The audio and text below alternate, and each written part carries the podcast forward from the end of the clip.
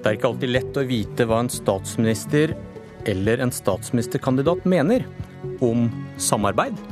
Jeg snakker ikke om hva jeg mener om andre på mine regjeringspartiers oppførsel til journalister. Det snakker vi om internt hvis vi har behov for det. Eller om kommende samarbeid.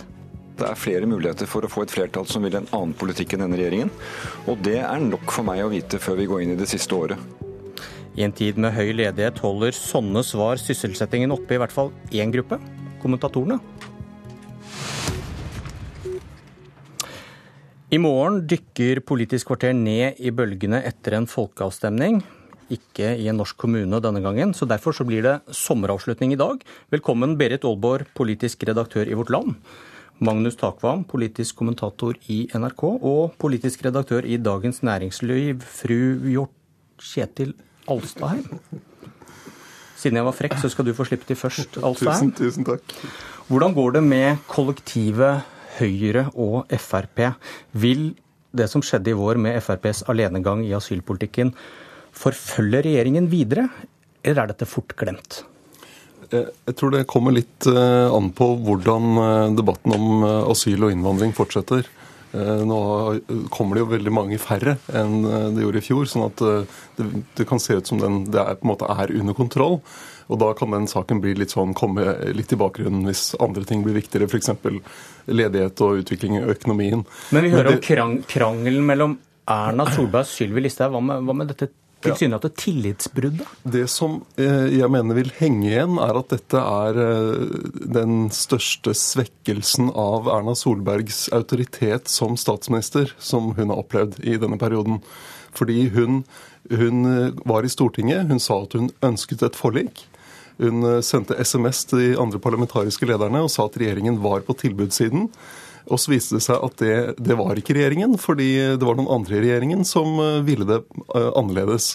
Så spørsmålet blir jo neste gang Erna Solberg sier noe i Stortinget eh, til de partiene hun skal samarbeide med i en sak, kan de da stole på henne? Mange har stemplet FrPs strategi om å nekte å bli enig med de andre om innstramminger i asylpolitikken for egoistisk og dum. De fikk mindre gjennomslag ved å overlate kompromissene til de andre.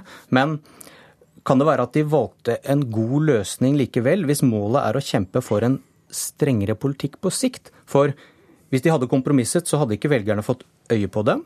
Nå kan de få økt oppslutning, større gjennomslag, strengere asylpolitikk på sikt.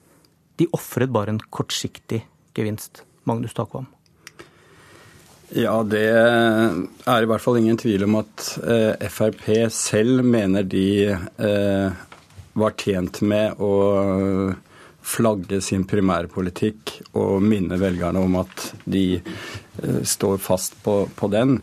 Og men jeg tror altså det, det Frp eh, er livredd for, det er jo eh, å gå i denne såkalte SV-fella. Eh, altså å oppleve noe av det samme som SV gjorde i regjering, og måtte kompromisse for mye på sine kjernesaker, og dermed rett og slett miste troverdighet og oppslutning. Eh, og Derfor har vi sett eh, ikke sant, på område etter, etter område som går på forholdet til de eldre i trygdeoppgjøret, i eh, miljø- og klimapolitikken med bilavgifter, og nå selvfølgelig også på asyl- og innvandringsfeltet, utslag av noe av det samme. Men det er klart at den måten å tilnærme seg regjeringsarbeid på har jo en pris. Og noe av det så vi etter min mening i dette eksempelet som, som, vi snakker om her. Så i lengden vil jo dette skal vi si, svekke eh, det regjeringsprosjektet Frp er avhengig av for å få, få makt. Men eh, kan de ikke få økt oppslutning ved å opptre som de gjør, og dermed større gjennomslag i framtiden? Det, det jeg, jeg, tror ikke F, eh, FrPs tilnærming til det å drive kompromisser Altså, eh, noen har sagt at eh, Frp ikke tror på kompromisset som politisk instrument. Og det tror jeg det er en del rett i. Siv Jensen har jo tidligere snakket om at det, det man må gjøre, er å få klare seire og klare nederlag, eh, og ikke denne grå kompromisspolitikken og, og forsvinne som parti. Og eh, jeg, jeg tror at Frp eh, her tenker kortsiktig, selvfølgelig for å kunne bruke kjøttvekta senere og få innflytelse. Men som sagt så, så kan prisen vise seg å bli for høy. Olborg. Ja, altså jeg tror at Det som blir ekstremt vanskelig for Frp å forklare i ettertid, det er at både Høyre og Erna og sentrum sier at hadde Fremskrittspartiet vært inne, i det, eller vært inne og gjort et kompromiss med de andre, så ville faktisk eh, norsk innvandringspolitikk blitt strammere. Og Det er vanskelig for Frp å forklare i ettertid, hvordan de da så å si bare satt og stemte for sine egne punkter uten å prøve å dra politikken i den retninga som de ville ha den. I, I, Vårt Land i dag så skriver dere at dere oppfattet trusler mot de små fra Erna Solberg i går? Ja, Erna Solberg, både på Politisk kvarter her i går og også på pressekonferansen som flere av oss var på, så var hun veldig tydelig på at hvis eh, sentrumsvelgere, altså velgere i Venstre og KrF, er usikre på om de er borgerlige nok, om de vil garantere et borgerlig samarbeid, så kan de heller stemme på Høyre. Og eh, altså, eh, Erna viser dermed også en slags vilje til å presse særlig KrF på plass, sånn at de helt tydelig sier at de vil, vil gå inn i et borgerlig samarbeid eh, ved neste runde. Og Jeg vet også at det eksisterer den typen holdninger i Høyre at hvis ikke, Høyre, hvis ikke KrF kommer på plass, så er de villige til å være ganske tøffe i klypa også med å kjøre verdisaker som blir vanskelig for KrF at Høyre er tydelig på hvis de går i et annet type samarbeid. Ja, jeg, det, jeg, tolker jo det som det Erna Solberg sier der, og litt det du har sett i denne våren fra alle disse fire samarbeidspartiene, eh, som at alle har et visst behov for å vise at, er, at de er fire forskjellige partier, og at det, det nærmer seg et valgår igjen. Og at de, da får du Alle får behov for å markere seg som, som det de er, og, og fortelle velgerne hvorfor de skal stemme på akkurat dem.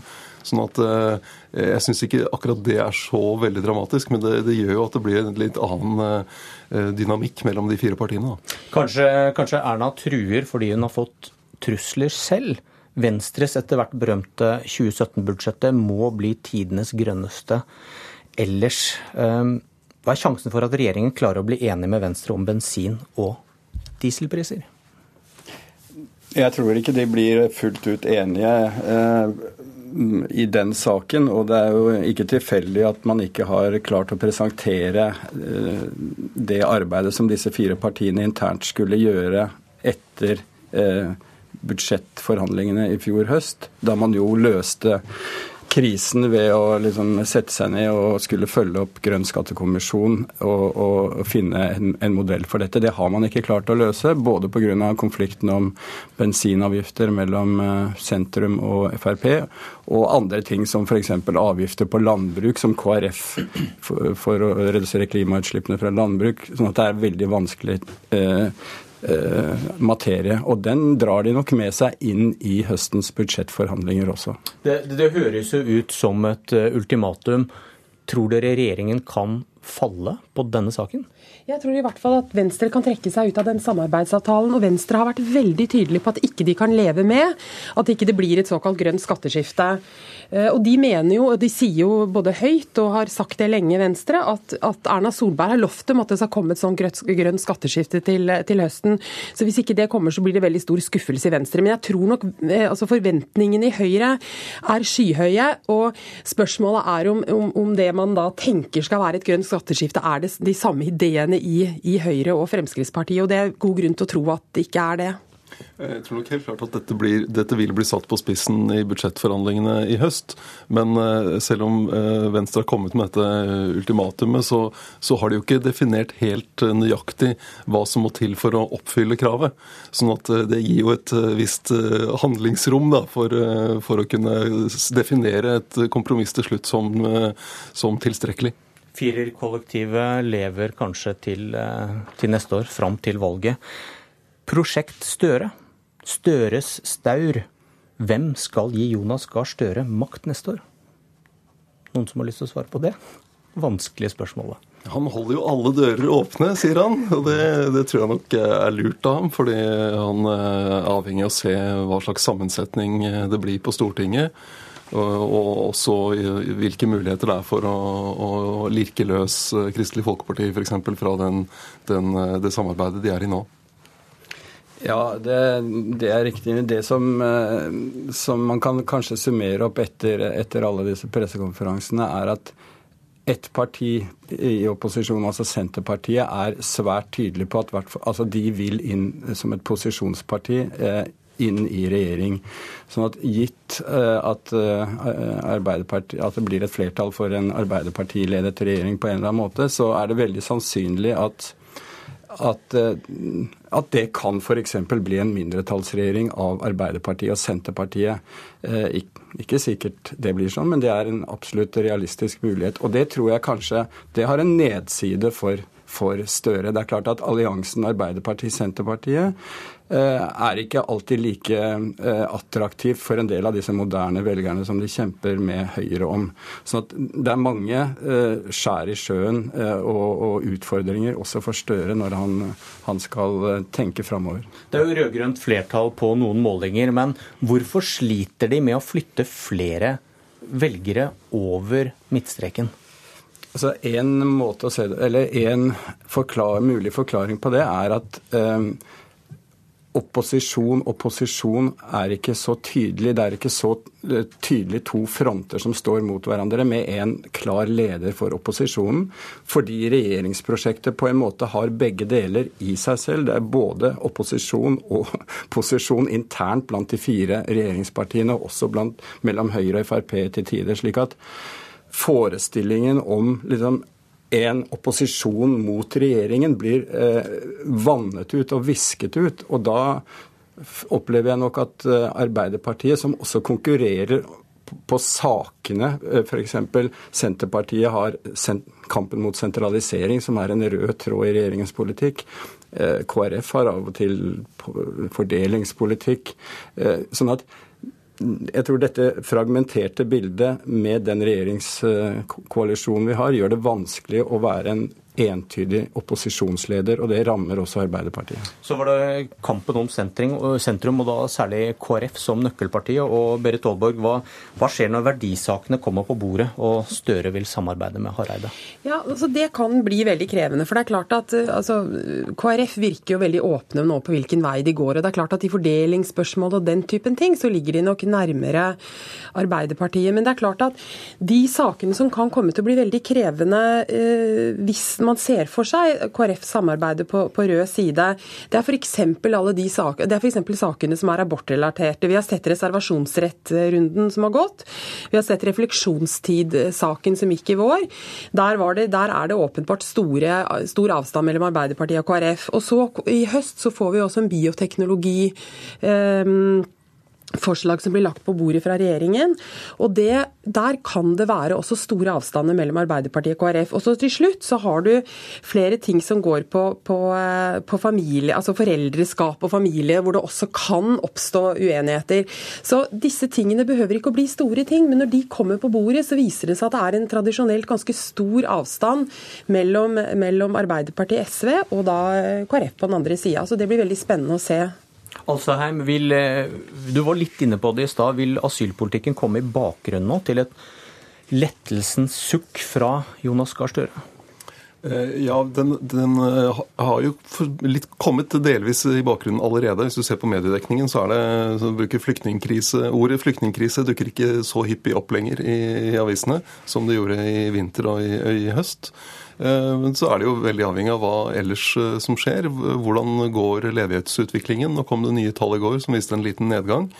Hvis, men den kan begynne å stige igjen til høsten.